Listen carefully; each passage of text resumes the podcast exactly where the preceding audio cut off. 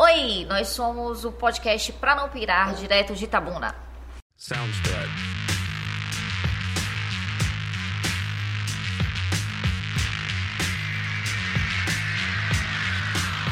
A gente, na verdade, é um grupo de três amigas que se amarram em conversar. E a gente conversa, viu? Misericórdia. Diga aí, Michele. Muito. A gente conversa pra caralho. Brizoca. Opa, Brisa. Eu sou uma mulher, para começar. Eu tenho filhos. Eu sou professora.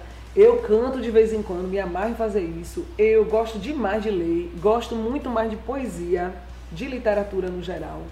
E é isso, minha perspectiva de mundo é dessa figura aqui que vos fala, de que mora em Tabuna, que vivencia esse subaiano aqui, que gosta demais dessa região e das pessoas daqui.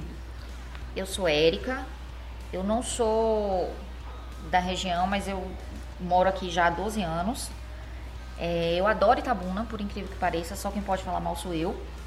Dessa terra linda, é, cheirosa, cheia de coisas agradáveis para fazer. Sim. Eu juro. Capivara aqui. E, é que tem capif... e que tem capivaras. Família Sabe capivara. onde mais tem capivara? Curitiba.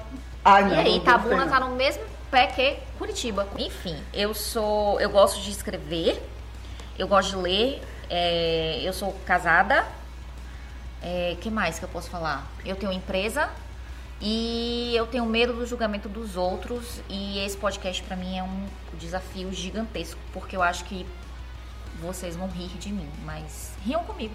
Yeah. Antes de me apresentar, eu quero fazer duas correções. Uma sobre Brisa e outra sobre Érica. Érica não gosta de escrever, ela é escritora. Exato. Ela escreve e tem livro publicado. É ideia. Brisa não gosta de cantar. Ela é cantora, sim. Tem uma banda chamada Manzuá, que é uma banda foda. Que meu marido toca. Que, uma... que o marido, que o marido de Erika toca. Aí não tem ninguém me filmando, por que eu tô fazendo isso? Ela tá fazendo legal. Eu tô fazendo legalzinho pro microfone. Joinha. E ela can... Brisa canta muito, gente. Vocês têm que ver essa mulher cantando. Verdade. Ai, para, eu sou tímida. Bom, eu sou Michele sou mulher, mulher cis, né? Isso. A gente tem que deixar isso claro nesse momento. É a ideia. eu, eu, é, eu sou cis também. É, eu também. Todas nós somos mulheres cis. É, sou daqui de Itabuna. Na verdade, minha família é de Itajuípe, que é aqui pertinho. Mas eu sou daqui, sou papajaca. Adoro aquelas capivaras que ficam ali na beira rio. Eu Ninguém também. mexa com aquela, aquela capivara que eu vou retar.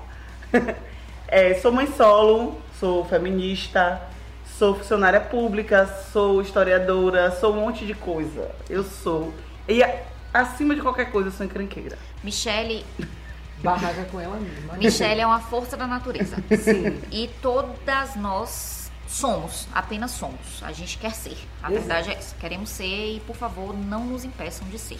Começa é aqui este esta solicitação. Inclusive, para não pirar, tem muito a ver com isso. Eu mesma, quando eu tô batendo boca com o povo nas redes sociais, o que, que eu faço? Na hora que o povo tá me enchendo o saco, eu falo, Michele Mansur. Eu, eu também. Brisa é muito. Brisa é uma lei de bater no boca nas redes é. sociais.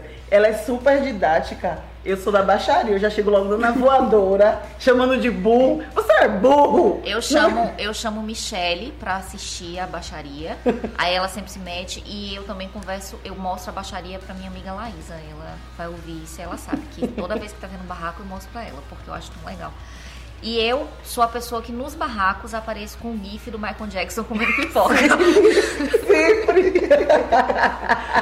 Pronto, já definiu a gente. É. mídia socialmente, como é que a gente é. Nós eu sou a que está ali tentando argumentar com aquela pessoa que é uma energúmena Porém, a pessoa né? mostrando todos os dados, Muita mostrando com, tudo. Com compreensão. Sem ofendê-lo, sem agredir verbalmente. Aí quando eu já tô de saco cheio, eu falo, não, mas eu não quero mudar minha pegada, eu quero continuar fina. Eu faço o que? Chamo Michelle pra chamar a pessoa pra mim. Ela me marca.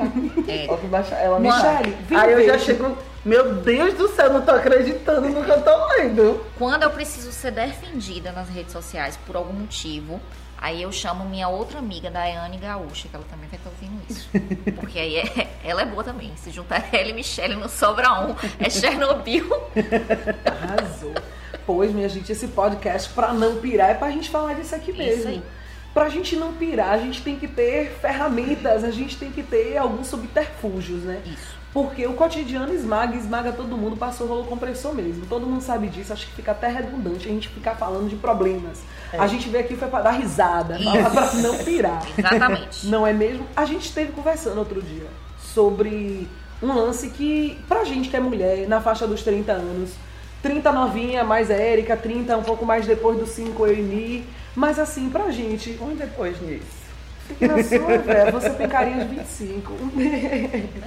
mas é isso, pra gente, como esse olhar do outro ainda diz coisa, né? A gente fica observando assim, pô, na adolescência, todo mundo fala disso, né? O adolescente, ele sente esse peso, como o outro, como se o outro definisse ele, né? O, o fato do outro enxergá-lo como X ou Y ou Z ou não sei o que lá, e aquilo ali o espelha. Desculpa, tentando falar difícil porque é o primeiro. Nos outros eu tava espelha ele mesmo. Mas é isso, e a gente? E a gente que já viveu um tantinho, já caminhou um bocadinho. Esse olhar do outro diz o que pra gente, né? O quanto isso afeta ou não. Que é isso, foi o que a gente estava conversando e a gente ficou pensando nesse podcast, pensando nesse papo e de como tava gostoso trocar ideia sobre isso. Eu, eu quase desisti de, de, de gravar o podcast, porque eu fiquei pensando, e se as pessoas rirem de mim? E se eu arranjar um personagem? Na verdade, eu até queria dizer que meu nome era Natasha. Aqui. E uma amiga minha falou, Érica, faz isso e depois de dois episódios você conta que você é você e fala como você tem síndrome do impostor.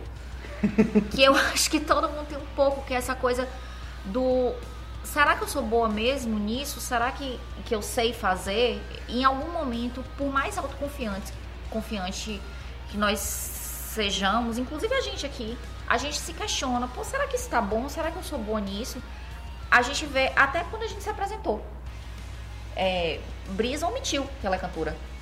E ela é cantora. E canta pra porra. Sei lá, é porque eu acho que um cantor, um cantor tem uma carreira consolidada, a pessoa que canta com frequência, não é o meu caso. Não, Brisa Eu falo cantou. assim, ah, eu canto. Não. Mas. Cantor Brisa, é quem você sobe não só canta como você compõe. É. Vocês gravaram um disco. Minha amiga, quem, não é, quem não é cantora sou eu e eu tenho imagens. Nem eu. eu também tenho. Gente, solta o áudio já de, de, de evidências Evidências no casamento pra de Érica. Canta, Érica, um pouquinho. Não. Não, quem quiser, eu vou abrir minhas redes sociais. Porque agora eu sou figura pública. e aí vocês vão ouvir. Mas o olhar do outro, às vezes, nos impede de fazer coisas o tempo inteiro. E a nossa luta, inclusive enquanto mulher feminista, é não deixar que esse olhar viciado do outro nos impeça de fazer qualquer coisa, não é isso? É. É isso, eu já ia entrar nisso aí, né? Que eu sou a feminista louca mesmo. E é, o olhar do outro é muito complicado pra todo mundo.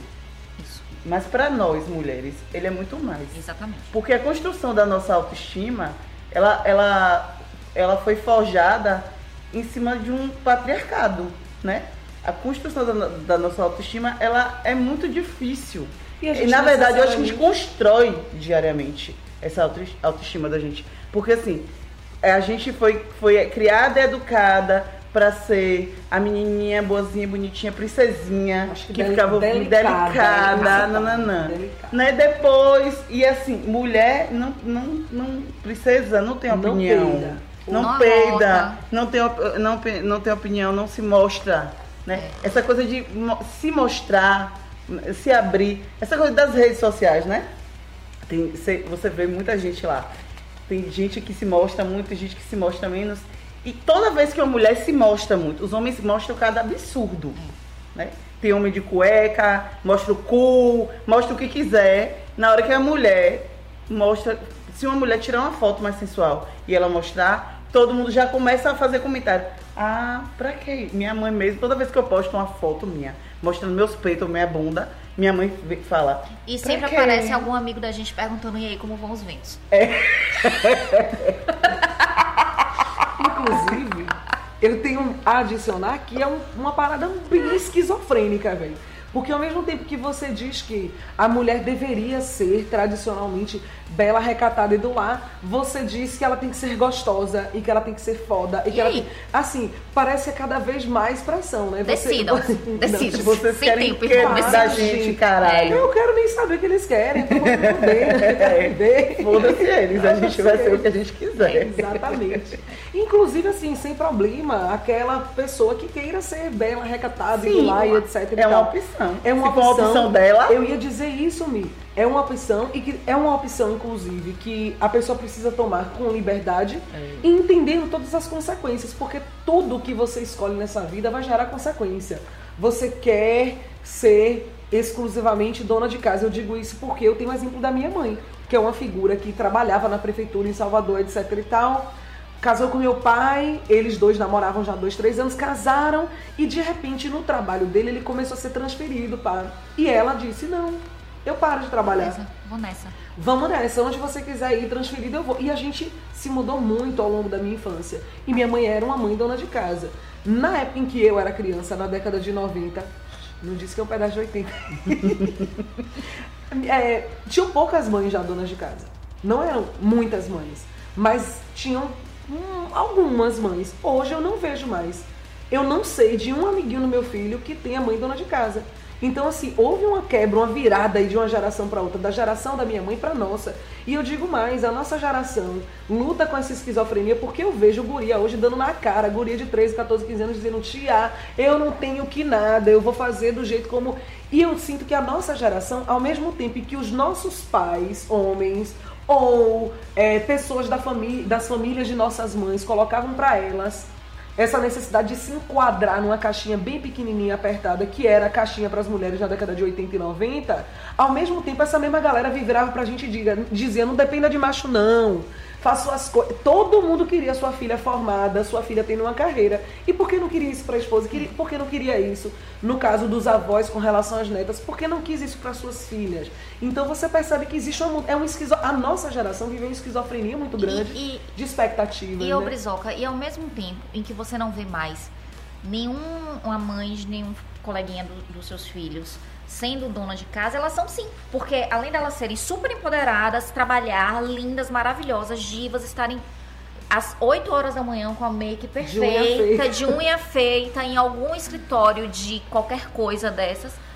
Meio-dia, elas estão. São elas que vão é, aprontar a mesa para o esposo, caso elas não tenham alguém que trabalhe na casa delas. É verdade. isso. E foi bom e elas- você. E, é, e, e é- são elas que, quando chegam em que nos jantares sociais, porque geralmente elas todas têm uma vida social muito ativa, muito participativa, e ainda que o jantar tenha sido proposto para socializar, quem vai buscar a cerveja e fazer o petisco, geralmente Exatamente. é ela. E vou lhe dizer, Keka, foi ótimo você dizer isso, caso não tenha alguém trabalhando, porque a gente está falando de uma classe média. Isso. Eu tô- quando eu falo da, Isso. da, da experiência de minha mãe, eu É. tô falando de uma experiência de classe média. Vamos deixar bem claro, porque a mulher pobre sempre trabalhou em três turnos.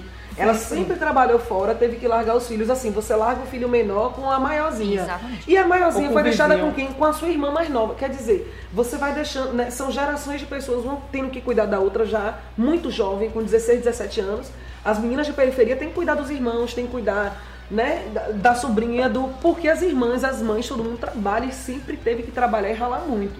Então é algo realmente localizado, né? Vocês estão Assim, falando aí e eu fiquei pensando, né? Todo, toda vez que eu vou falar sobre feminismo em algum lugar, alguém sempre me pergunta: quando foi que você se descobriu feminista? Quando foi que você virou feminista, né? Se virou entre aspas. Eu sempre digo, na verdade, eu, eu acho que eu sempre fui feminista.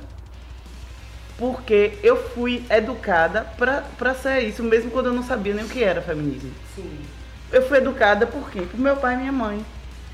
Vocês estão falando aí de- dessa experiência das mulheres. Minha mãe sempre foi dona de casa. É dona de casa até hoje. E minha mãe, ela é muito infeliz por isso. Minha mãe é uma pessoa que tem um quadro de depressão. E ela é muito infeliz. Porque, na verdade, ela, queria, ela gostaria de ter sido várias coisas.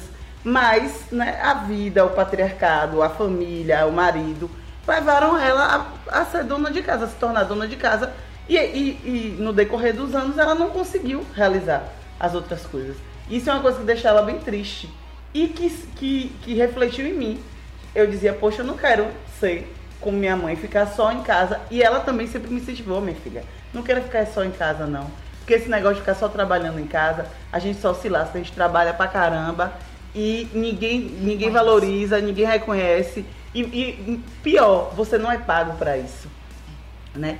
Minha mãe cansou de, de, me dizer, olha, eu não aguento mais pedir um dinheiro para seu pai, para alguma coisa, ele me dizer, para quê? Para que que você? Do outro lado, está esse homem machista, que perguntava mesmo, para que que você quer dinheiro? Né? Que sempre me disse, ó oh, minha filha, é... Véi, a gente tá fazendo caras e bocas que vocês não é. têm noção, porque todo mundo reconhece isso. E reconhece histórias dentro da própria da família, própria... não tem como é. não se relacionar com isso. É, é, é o homem que, que, machista que dizia, minha filha, eu não quero que você case. Eu não sou casada, nunca casei, porque eu não, eu não fui educada para casar. Eu não fui educada para casar. Eu não quero que outro cara faça com você o que eu faço com sua mãe. Exato, isso, né? exato. Ele nunca me disse para eu casar, nunca houve na minha casa essa pressão para o casamento. Até que de minha mãe às vezes rola, mas meu pai não. Meu pai sempre falou: não, você, eu quero que você trabalhe, estude, fique uma mulher independente. Pra, se você quiser ter um homem depois, você tem e você bota ele na sua casa. Porque na hora que você enjoar da cara dele, você bota ele para fora. Você é filha única, amiga? Eu, eu sou a única mais mulher. ou menos. É porque assim, meu pai tem uma filha uhum. antes do casamento com minha mãe e tem eu e meu irmão. Então assim, e a criação. Irmão, ele educou de que jeito? Ah, é a pergunta que não quer calar. A porque ele mandava você ser foda e mandava seu irmão fazer o quê? Então, aí. O que ele espera de uma nora, né? Não, o meu irmão tinha outra parada. Sim. O meu irmão tinha uma parada da masculinidade tóxica Sim. de meu pai. Porque assim, é, é, o, que, o que esperar de um homem né? Eu acho que isso dá um tema do caralho pra gente, é. porque o que se espera de um homem, o que se espera que um homem se torne e o que se cobra desse homem. Então, por exemplo, de, de, de mim e de meu irmão, ele sempre cobrou muito de estudar, de não sei o quê. Mas como meu irmão era meio preguiçoso para estudar, ele falou: "Não, não quer estudar, vai trabalhar". Então, beleza, vai trabalhar. Mas assim, sem orientação, joga o cara no mundo para trabalhar e, e sem orientar, né? E sempre aquela coisa. Por exemplo, comigo, quando eu tinha 14, 15 anos de idade, eu tinha horário para chegar em casa, 10 e meia. Quando eu chegava às 10 e meia da noite em casa, Seu irmão tava meu saindo. irmão estava saindo com a chave do carro. Meu irmão é mais novo do que um ano. Ele estava saindo com a chave do carro para ficar com as meninas. E tava tudo bem. Que eles chamavam lá de piriguetes. Segurem suas cabritas porque o meu bode está solto. Meu Quantas está vezes solto. você já não deve ter ouvido isso em algum momento? É, eu ouvi isso agora é engraçado. Na minha casa teve uma dinâmica diferente, velho. O meu pai era participativo, no sentido assim, de que, por exemplo, minha mãe pariu, não sei o que lá, não sei o que lá. Não tinha quem ficasse ajudando no pós-parto. Meu pai lavava banheiro, dava gagal a menino. Meu pai sempre foi participativo. Eu lembro de meu pai dando banho na gente, não sei o que lá. Então, assim, ele era bem participativo. Mas a minha mãe era dona de casa. Então, ela cuidava de tudo da casa porque ela não trabalhava fora. Mas sempre que ele estava de férias, eu via ele fazendo também. Hoje, ele é aposentado, eu vejo eles fazendo juntos. Eu acho isso massa. E assim, com relação a nós dois, eu e meu irmão, e a diferença entre os dois, eu percebo uma diferença de expectativas que sempre houve, mas ao mesmo tempo, é, com relação a essa coisa de sair, meus pais são evangélicos bem radicais, assim como se diz, né? Aquele evangélico que quer aquele cristianismo do começo dos tempos e não sei o que, bem fervorosos, como se diz. E eles acreditavam, por exemplo, que é, sexo é só depois do casamento. Acreditam, inclusive, né? Acreditavam, não acreditam. Então isso eles impunham tanto para mim quanto para meu irmão. Mas isso, de certa forma, uniu a mim e meu irmão bastante. A gente se viu numa parceria mesmo de. Pra poder velho, frunfar. Pra gente poder cair no mundo e curtir, conhecer gente, dar risada. E nada demais, sabe, Sim. Nada demais. Coisa da idade mesmo, né? normal. Sentar, ficar ouvindo um som até mais tarde, não sei o que, não sei o que. Que lá em casa, via de regra, não poderia acontecer. E a gente ia se, se apoiando ali e tal. É isso. Eu, mas eu sinto determinadas expectativas. Por exemplo se minha mãe chegar na minha casa hoje, ela toma um susto. Ela acha que jamais eu poderia deixar uma casa daquele jeito. Não é? Ela jamais questionaria do meu companheiro. Jamais. Ela jamais Como questionaria. Como é que você deixou uma casa desse jeito, Mita? Não, ela pergunta para mim. Minha filha, até porque ela não é mãe de Mita, né? Mas eu entendo que, assim, né? Para ela, a responsabilidade é minha. Eu teria que, como a mulher, a esposa Ser do lado, direcionar, por mais que ele me ajudasse, eu adoro esse ajudar, né? Ajudar o quê, cara pálida? Se a casa dos dois são dois adultos morando junto, a gente tem que organizar o baba e cada um faz uma coisa. Quem é que é o responsável pelas coisas do lar? Os adultos que moram nesse lar. Ponto. Lá, lá em casa, eu fui criada com minha avó e com minha mãe, né? E minha avó, ela se separou numa época em que ninguém se separava. Pra mim, minha avó é literalmente uma mulher à frente do tempo dela. Começa, minha avó aprendeu a dirigir sozinha. Tipo, escondida do meu avô. É, minha avó, ela usava calça quando ninguém queria usar, gostava de usar calça, porque alguém algum dia disse pra ela que ela não podia usar calça. E ela falou: Ah, não, pois vou. Sou costureira, posso costurar as minhas próprias calças. Adoro voz. É, Volves é essa pessoa. Ela se separou do meu avô. Ela, ela diz, ela conta que não foi ela que se separou do meu avô, não. Meu avô que se separou dela. Porque ela disse, olha, se você não parar de me trair, é, eu vou embora. E aí ele não parou, ela foi. É, Ah, é, tá realmente. certo. Então, na Sim, verdade, ela lógica, não queria, é ele verdade. que quis. E ela viveu, ela depois disso ela não casou mais, ela criou sozinha os três filhos e depois quando minha mãe engravidou, ela ajudou a me criar costurando. Eu nunca vi. Eu tenho 30 anos, desses 30 anos eu morei por, sei lá, 21 com ela.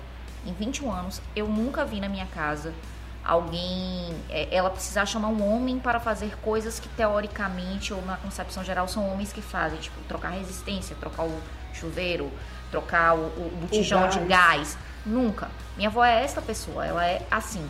Mas ao mesmo tempo, e sim, na minha casa a coisa do ah, eu posso namorar? Pode, desde que seja dentro de casa. Sempre foi tudo muito conversado, mas não conversado. Mas era, era tranquilo se comparado às minhas amigas, às, às outras pessoas com quem eu convivia de perto.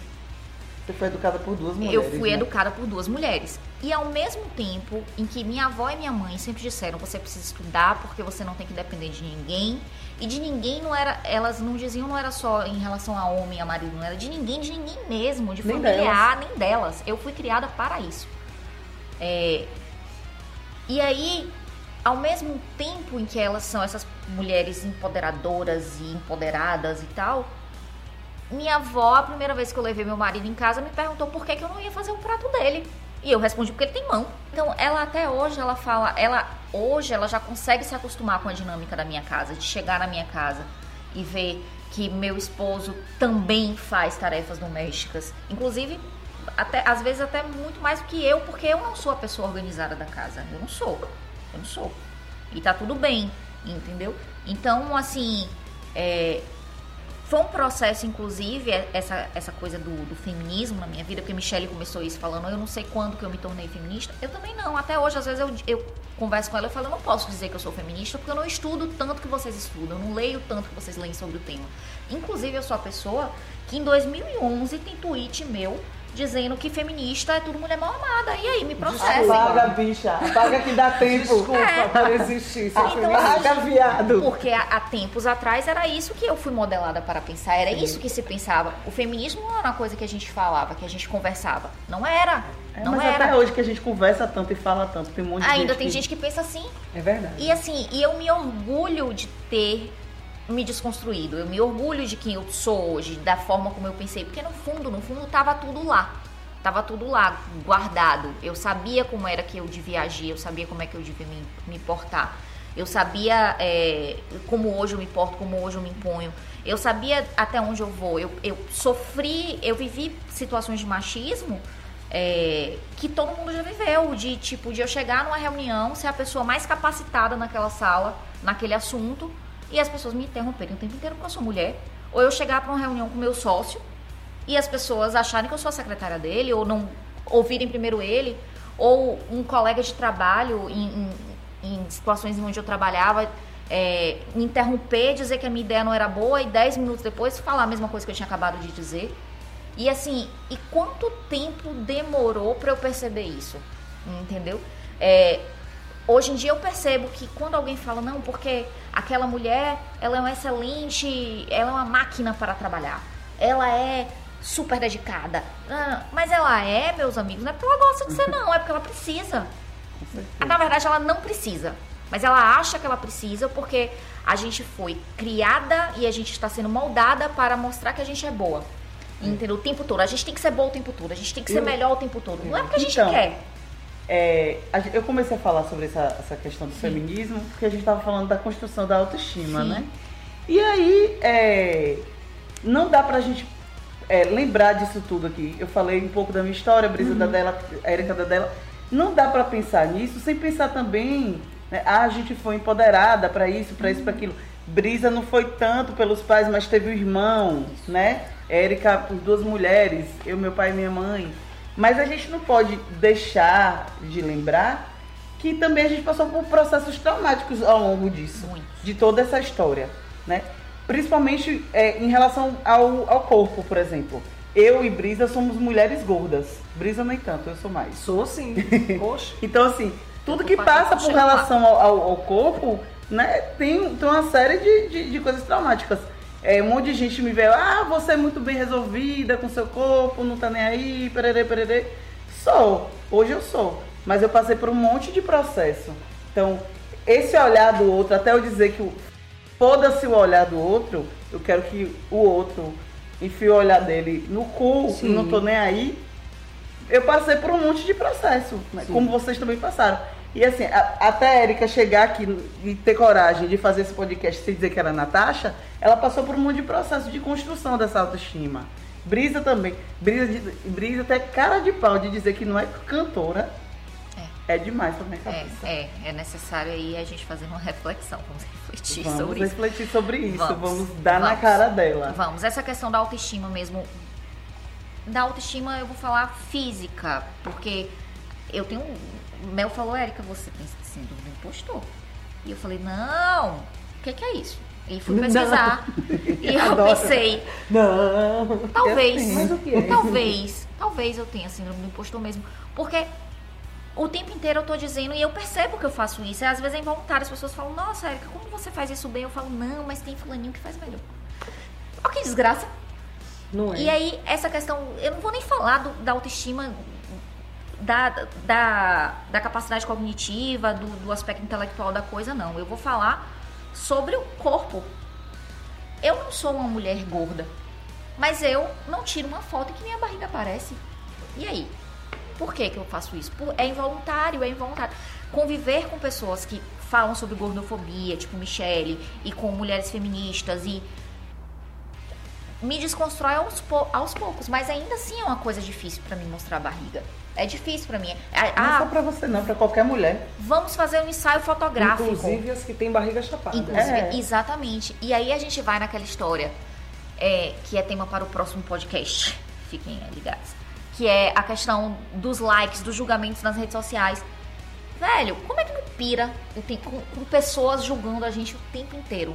O tempo inteiro. O nosso julgamento, o nosso auto-julgamento se potencializa o tempo inteiro. Tá potencializando o tempo inteiro. Por mais que a gente não queira ter, por mais que é, o meu lado racional diga, não, olha só, você é boa nisso, olha só, você não tá gorda, olha só, pô, você veste 40. A questão é, você precisa não estar gorda? É isso, e daí? Foda-se, velho. E, e se você tiver? E se você tiver? é e, se legal. você, e Você mais do que isso, é, você precisa tem- saber é, sobre isso. Eu, eu, desculpa, Keka, eu falei isso porque eu vejo que as pessoas que têm transtornos Sim. alimentares, não existe o estar. A pessoa tá com 40 quilos e a pessoa tá se vendo gorda, É. velho. Então a necessidade de não estar gordo. Eu, sinceramente, já tenho uns anos que eu falei assim, ó, velho, foda-se. Tô nem aí, brother. Ah, tá achando feio? Não olhe. Não gosto. Minha estria, minha celulite lhe incomoda. Não olhe. E a gente tá falando, Mas- e a gente tá falando de, vamos dizer que a gente esteja falando de ser gordo e, e cabelo, e, e a gente tem umas questões tão loucas, É. tão, tão, tão loucas Eu tenho uma assim. amiga que tem alopécia, Sim. que não tem cabelo. O Sim. cabelo dela cai, enfim.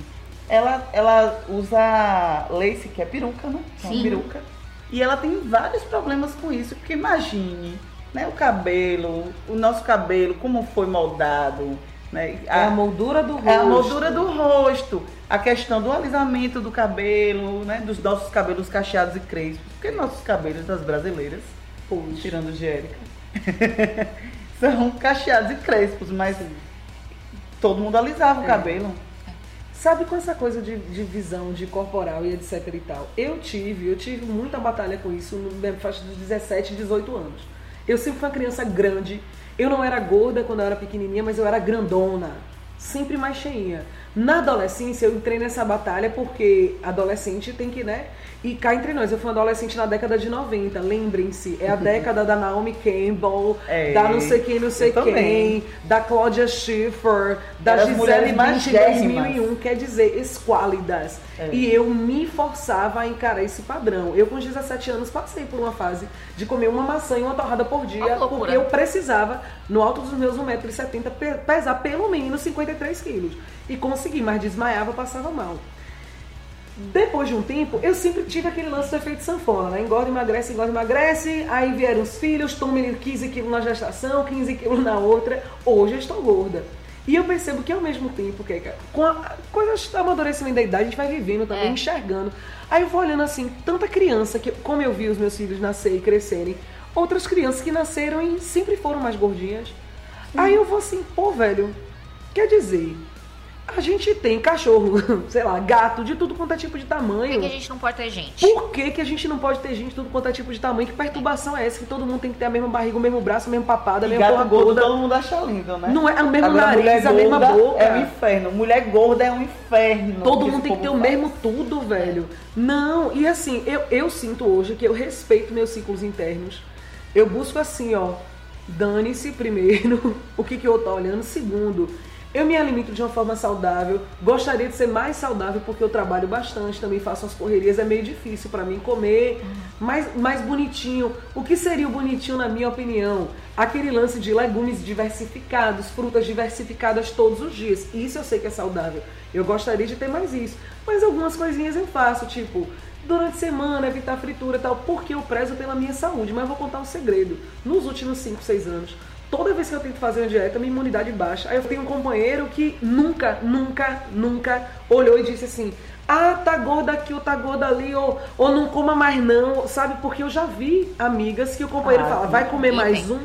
Me te... Oh meu Deus, nunca, nunca. João, inclusive, pergunta: vamos comer mais um? Não é mesmo? Te amo, bichinho. Amor, Joãozinho. É. Me de... te- Melhor Teve marido. umas semanas atrás eu falei assim pra ele, eu comi alguma coisa, aí eu queria comer mais, tava com fome. Aí eu comentei assim, mas eu falei, ô velho, vou comer mais um, mas é porque também eu almocei cedo, eu almocei 11 horas, já são 6 horas. Aí ele, poxa, não viaje não, velho, você quer comer, você come. Por que você tá falando isso pra mim? Eu, não, amor, só falei só pensei alto. Ele, ah, pensei que você tava com essas viagens, querendo falar pra mim, pô, justificar por que você tá comendo mais. Oxi, não viaje não. Eu falei, realmente, realmente, quer dizer, a pessoa tá com você ou a pessoa tá com uma bunda, um peito, uma barriga, um não sei o que lá. Exatamente. Então, são É motivos onda. para pirar. São Motivos, São. N, N. São Né? A gente falou de várias coisas aqui que fazem a gente E pirar. não a gente falou, de porra nenhuma. A gente falou de um bocado de coisa, porque a gente é louca. A gente, Agora fala- é. a gente tá tentando não pirar, mas a gente já tá doida. Já tá É, agora como é que a gente faz pra não pirar? Assiste, o- assiste não, como é que vai falar? Ouve o Ouve. podcast. Ouve, é. Ouve o podcast e fala, meu Deus, eu também sinto isso, mas quer saber do que mais? Como diria a Michelle, vão beber, Vão vinhado, foda-se. Para com isso. Aí, é, nessa perspectiva do podcast, de tabunense, não sei o que, nós pensamos em é, criar quadros para falar das dicas. Como é o nome do quadro mesmo que a gente falou?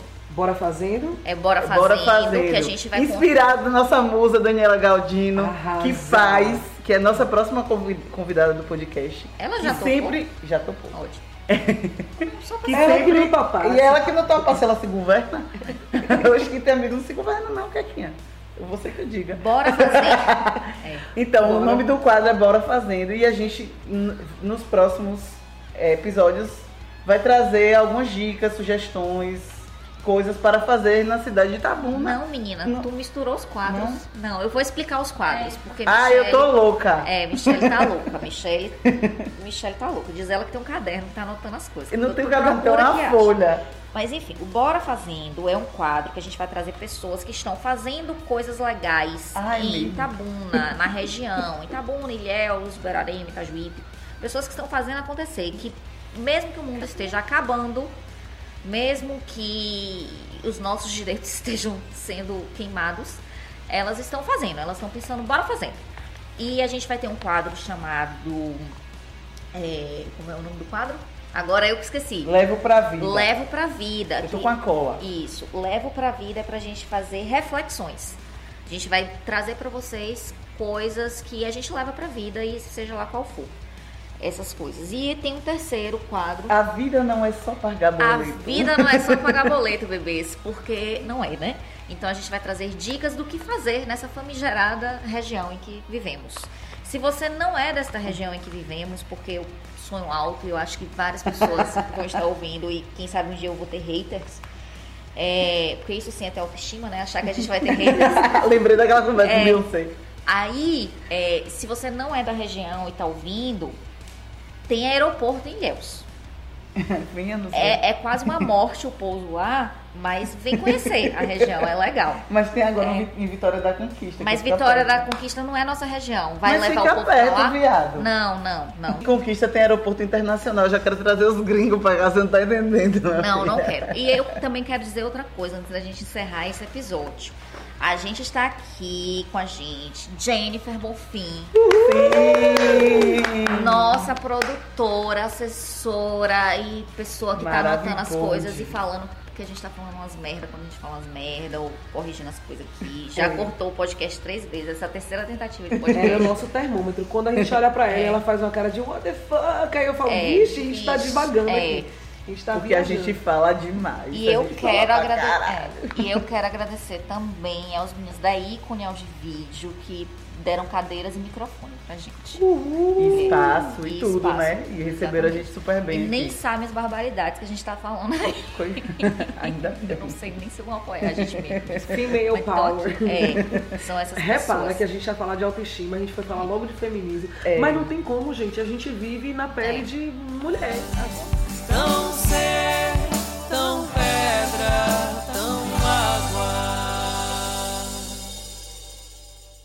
Vocês têm alguma, alguma coisa pra falar do no Levo pra Vida dessa semana?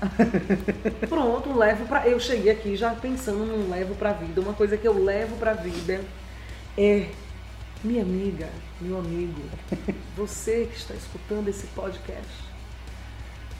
Quando a vida lhe der limões, esprema e faça uma caipirinha. É. Um beijo pra você. Eu acho.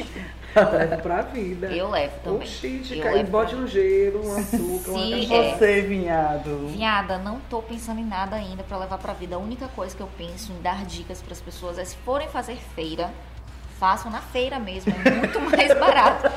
É Procure sério. produtos orgânicos. É sério. Procure Ah. Liberaram mais 230 Olha, ó, tem uma coisa pra gente dar dica.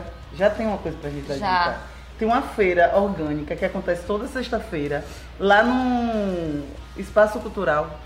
É? Da Câmara de Vereadores. Na- que é perto da Câmara de Vereadores aqui em Itabuna, que antes acontecia no, No no Centro Centro, de de Cultura Cultura, Donias mas o Centro de Cultura do BO. Aí eles estão fazendo lá, toda sexta-feira. Adoro. É, e em Itabuna também. Agricultura familiar. É, e em Itabuna também é, tem uma, uma estação de, de produtos orgânicos, é, que é da rede Povos da Mata, que também é, eu acho, quem organiza essa feirinha.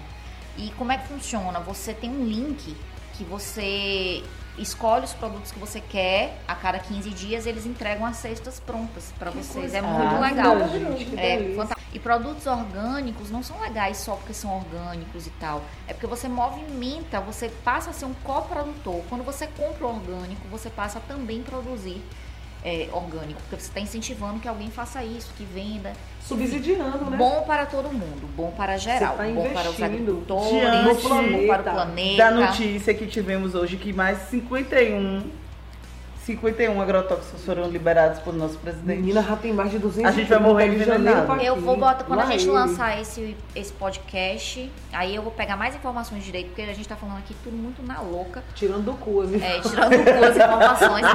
Eu que vou. horas, não sei. Eu vou pedir. É dia de é. sexta de manhã. Eu sei que a Não, feirinha. gente, a gente a bota no- é na descrição do vídeo o link do, das paradas tudo, Ah, porque legal. nós somos pessoas organizadas. A gente ainda não sabe onde é que vai ser o E a gente tem uma produtora bagaça, não. maravilhosa. Mas é. Verdade. E acompanhe nossas redes sociais. Ah, é. Acompanhe nossas redes sociais. Instagram. Instagram, Facebook pra, Pra lá, não pirar. podcast pra não pirar, qualquer coisa assim. Twitter também, porque eu adoro o Twitter. É. Adoro arrumar treta no Twitter. Mandem sugestões pra gente de temas, de convidados, sigam, deem feedbacks, falem que a gente é linda, entendeu? Quiser mandar um back. Ou é um. Mesmo, mesmo que vocês não estejam vendo a gente, É, A gente é linda. A gente... É. Não, mas vai ter foto. ver. Na rede social vai Vocês vão foto. ver na rede social. Na rede social vai ter foto. Então manda beijo, manda, manda qualquer coisa. Não manda nudes não, que eu sou casada. Lembrando. que- Manda que Michelle vai gostar. Ela É, Eu manda quero, eu não sou casada, para não. Michelle. Não sou Nudes casada. Só para Michelle. Manda nudes pra mim que eu quero. Lembrando que a próximo, o próximo episódio nós teremos Daniela Galdino Ui, que delícia. para falar sobre produção literária feminina. Isso. Bora, manas. Nesse podcast. É.